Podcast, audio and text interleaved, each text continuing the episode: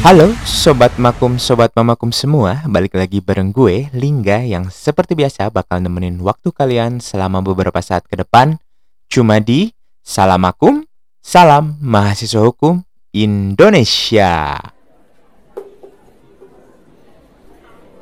Sobat Makum, Sobat Makum semua Kali ini gue akan membahas uh, yang sedikit berbeda.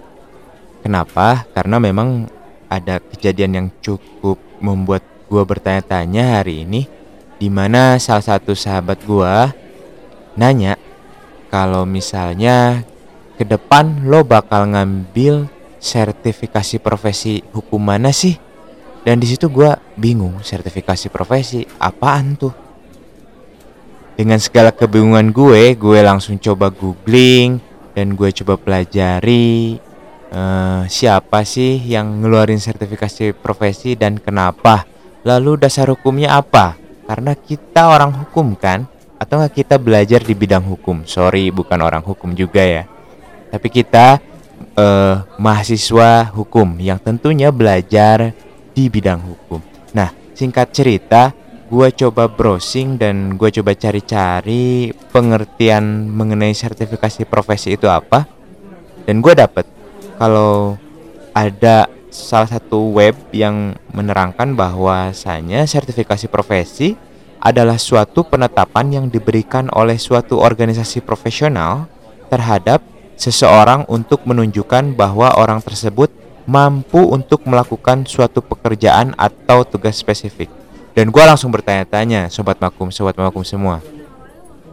Dengan segitu lamanya gua kuliah, dengan segitu lamanya gua tempuh waktu SKS yang harus kita lewatin, itu kita masih harus disertifikasi lagi.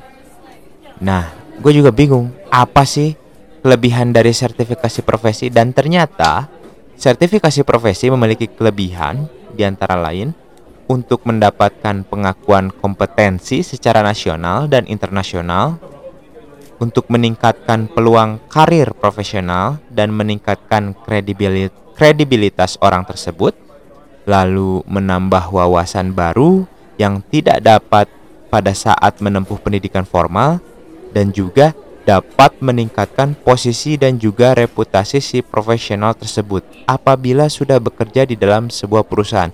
Dan di situ gue makin bingung dan coba cari-cari mengenai alasan lain mengapa gua harus ikut sertifikasi profesi. Dan setelah gua tahu akan kelebihan-kelebihan dari sertifikasi profesi, gua jadi mikir nih.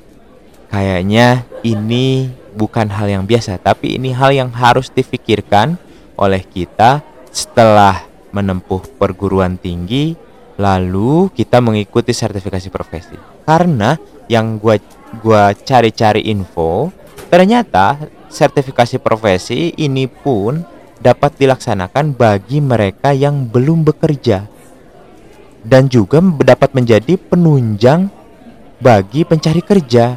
Gila, begitu pentingnya ya. Karena ternyata juga ini diadopsi dari pendidikan-pendidikan vokasional yang biasanya dilakukan oleh para siswa-siswi SMK sobat makum sobat makum semua. Dan juga kalau gue pelajari lagi telusuri lagi ternyata yang sudah menerapkan seperti ini adalah di lembaga-lembaga pendidikan sekolah pariwisata misalnya. Nah gue juga kepikiran terus siapa yang mensertifikasi profesi ini? Dan ternyata setelah gue browsing ada sebuah lembaga yang Indonesia miliki ialah namanya BNSP atau Badan Nasional Sertifikasi Profesi.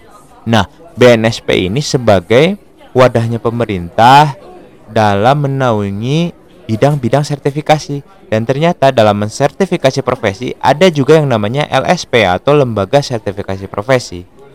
Sebagai mahasiswa hukum, gue harus cari juga dong dasar hukumnya apa dan ternyata ada dasar hukum pendirian BNSP dan LSP itu ternyata e, merupakan turunan dari Undang-Undang Nomor 13 Tahun 2003 tentang Ketenagakerjaan khususnya pada pasal 18, lalu Undang-Undang Nomor 20 Tahun 2003 tentang Sistem Pendidikan Nasional pasal 61 dan Undang-Undang Nomor 5 Tahun 1984 tentang perindustrian.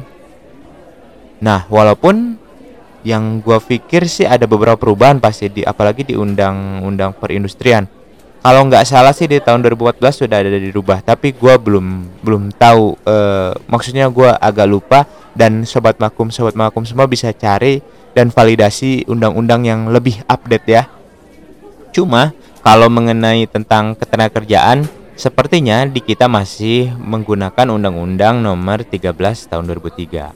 Dan juga ada peraturan pemerintah Nomor 52 Tahun 2012 tentang sertifikasi kompetensi dan sertifikasi usaha di bidang pariwisata. Peraturan pemerintah Nomor 31 Tahun 2006 tentang sistem latihan kerja nasional dan juga Peraturan Pemerintah Nomor 23 Tahun 2004 tentang Badan Nasional Sertifikasi Profesi.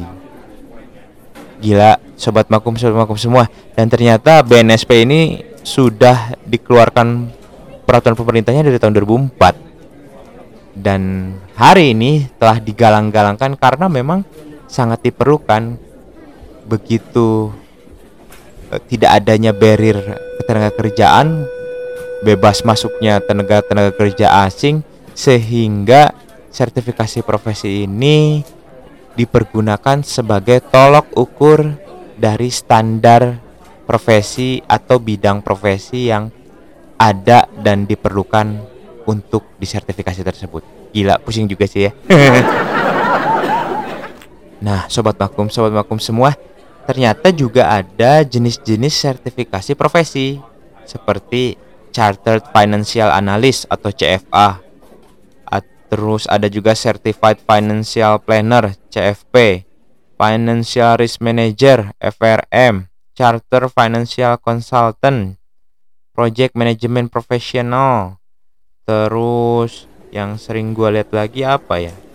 Ada Certified in Production and Inventory Management dan masih banyak bidang dan ini merupakan bidang non hukum. Terus di bidang hukumnya apa dong? Dan ternyata kita bisa mengetahui ada sudah sudah ada salah satu lembaga sertifikasi yang e, mengeluarkan bidang sertifikasi mengenai audit yang diakui oleh BNSP seperti Certified Legal Auditor. Kira-kira sobat makum sobat makum semua siap nggak buat disertifikasi terhadap bidang profesi sobat makum dan sobat makum semua.